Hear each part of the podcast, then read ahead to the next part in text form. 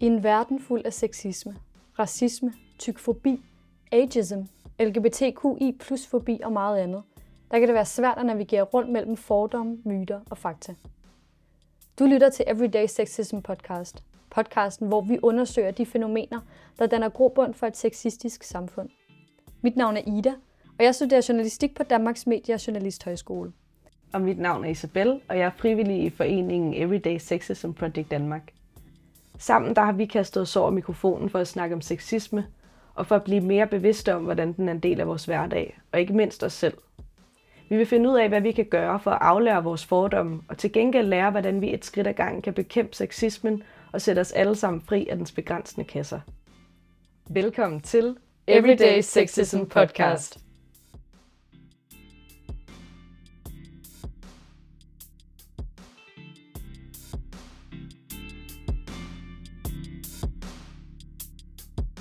Hej og velkommen. Hej.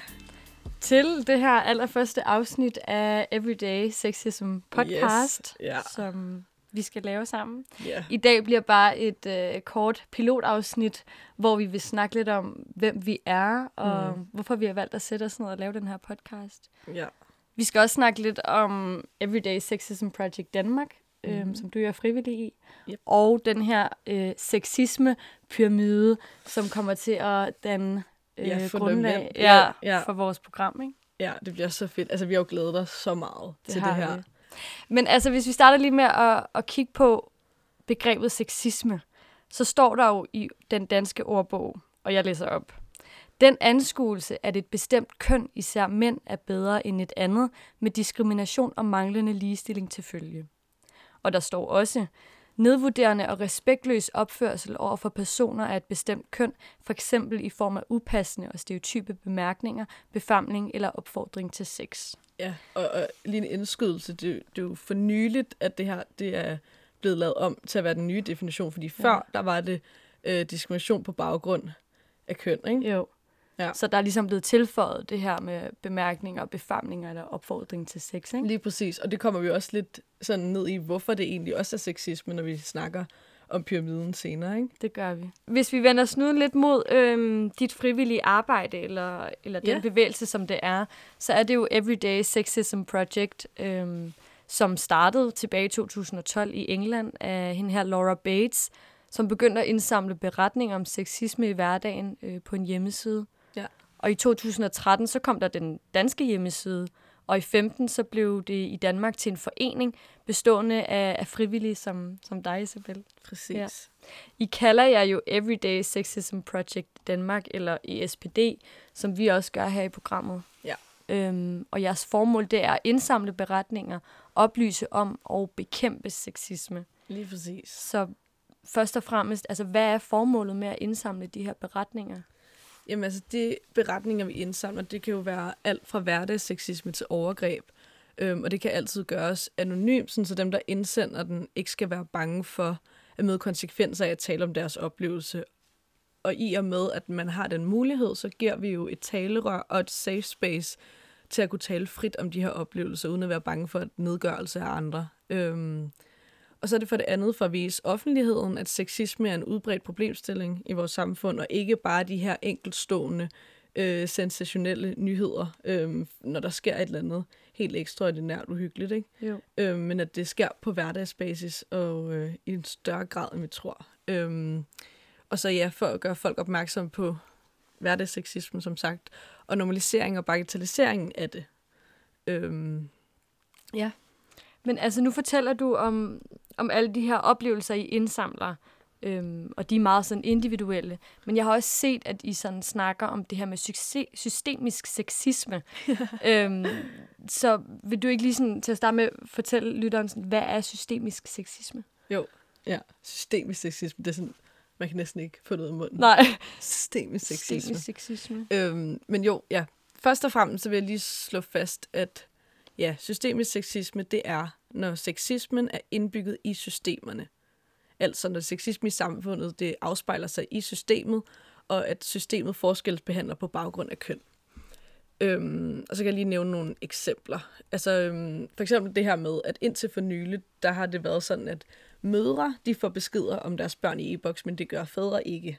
Det er så blevet lavet om på nu, men det er en systemisk forskelsbehandling, ikke? Jo. Øhm, og så er det også sådan noget som, at studievejledere for eksempel, øhm, har der lige været en undersøgelse omkring, at de har tendens til at ligesom henvise øh, elever på baggrund af køn til forskellige uddannelser, ikke?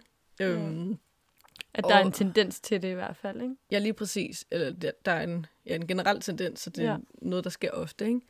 Øhm, og det kan også være den her forestilling om, for eksempel, når kvinder de har smerter, at det så typisk er noget psykisk, sådan så at kvinder bliver behandlet øh, vær, eller dårligere end mænd for smerter i sundhedssystemet. Det er også noget systemisk. Og så på det juridiske plan, øhm, for eksempel, at man ikke tidligere har kriminaliseret forskellige typer af kønnet vold. Altså vold med en kønnet slagside, som øh, for eksempel psykisk vold og voldtægt. Ja. Så systemisk sexisme, det er ligesom, når, når sexismen på forskellige vis er indbygget i systemet og ja. I vores institutioner på en eller anden måde. Ja. Men hvordan, hvordan bekæmper I det? Hvad gør I SPD? Jamen så først og fremmest, så er det jo ligesom at expose eller vise, hvordan ser systemisk sexisme ud. Øhm, fordi man bliver nødt til at kunne se og identificere problemet, ligesom for at kunne gøre noget ved det. Øhm, Helt sikkert. men så har vi for eksempel været med til at påvirke lovgivningen. Øhm, for eksempel så sad vi med i et rådgivende udvalg under Justitsministeriet, øhm, da der skulle defineres, hvad psykisk vold er, øhm, som forløber for, at det blev kriminaliseret. Øhm, så har vi også holdt mange møder med politikere og lavet demonstrationer for at presse på for en samtykkelov. Øhm, Ja. og, og meget, meget andet. Ja. En samtykkelov, som vi helt sikkert også kommer til at dykke, øh, dykke Ned i- ned i ja, det her præcis. program. Ja. ja, når vi skal også snakke om samtykkekultur, for eksempel. Men altså, det kan være, at der nu sidder nogen og tænker, jamen, altså den her kamp for ligestilling, er det ikke en, en ren kvindekamp? Altså hvis vi nu bekæmper sexisme, til gode ser det så ikke kun kvinderne. Altså jeg kan jo personligt som kvinde godt se, hvorfor det her det er, en, det er en oplagt kamp for mig Ja. selv øh, at kæmpe for, øh, for mig selv og, og de kvinder omkring mig. Men, men altså, hvad tænker du om det? Jamen, altså vores ultimative mål med organisationens arbejde, det er at opnå et samfund uden sexisme. Og så, hvorfor er det så vigtigt for alle? Det er det, fordi at sexisme og herunder de stereotyper, der er skabt ud af sexisme, skaber et samfund, hvor mange føler, at de ikke kan leve op til de kønsroller, som vores kultur sætter sig ind i. Øhm, og det er et samfund, hvor der findes meget små kasser for, hvornår man er en rigtig mand og en rigtig kvinde, og hvor dem imellem og uden for det binære kønsspektrum slet ikke får en plads. Og betydningen af den her fortælling om, at der findes en rigtig mand og kvinde, det betyder, at alle dem, der falder ude for de kasser, de er forkerte. Har man sagt rigtig mand, siger man indirekte også forkert mand. Og når der så også kun snakkes om rigtige mænd og kvinder, vil dem, der identificerer sig med nogle af de ting, enten imellem eller uden for det her kønsspektrum, føle sig forkerte også. Ja. Altså dem som, ja, dem, som ikke passer ind i, I- i mand- og kvinde-kasserne overhovedet, vil også føle sig... Lige, altså dem, der ikke identificerer sig med at være hverken mand eller kvinde, eller måske er genderfluid, ikke? Jo. Så det går ligesom ud over alle. Ja. Øhm, og det er et samfund, hvor et myter skader alle. Altså for eksempelvis myten om, at nogle mænds grænseoverskridende og aggressive adfærd skyldes, at jamen, de er jo bare nogle drengerøve, og mænd de kan ikke styre sig. Og det er jo både en generalisering, der er altså, nedværdigende over for mænd, fordi jo, de fleste mænd kan sagtens styre sig.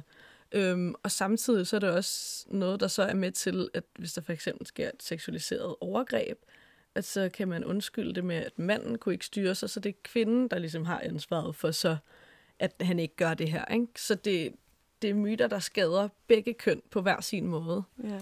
Øhm, og det er jo derfor, at det er vigtigt for os at sige, at kampen for ligestilling og kampen for at bekæmpe sexisme, det er en kamp for alle køn.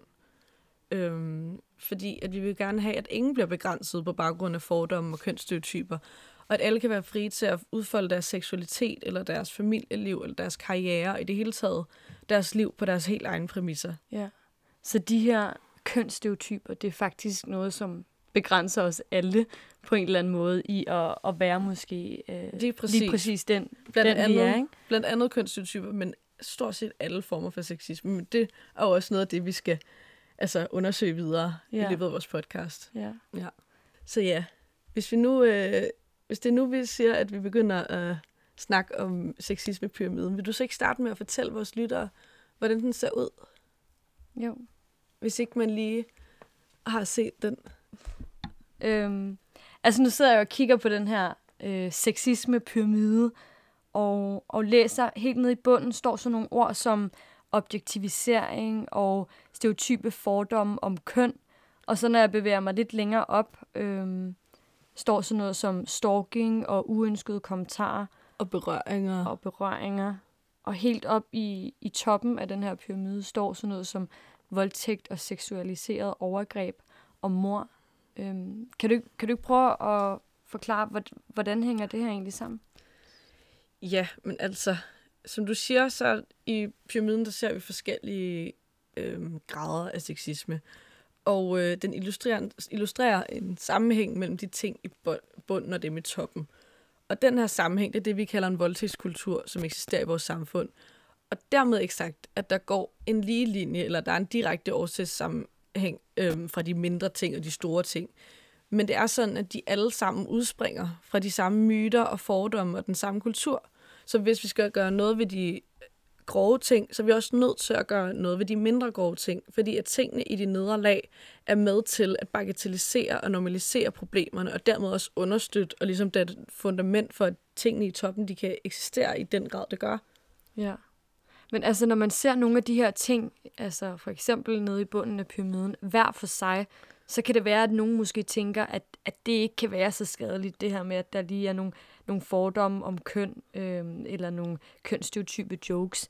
Men, men det kan altså være ret skadeligt i den her store sammenhæng, eller hvordan?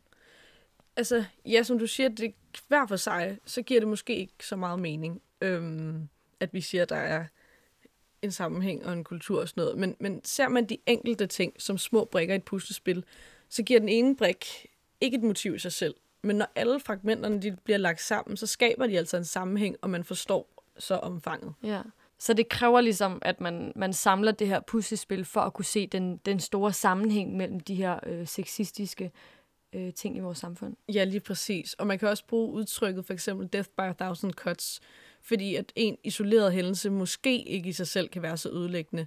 Men når man gennem et helt liv oplever så mange forskellige former for sexisme, så akkumulerer de mindre problemer så til et kæmpe stort, ikke?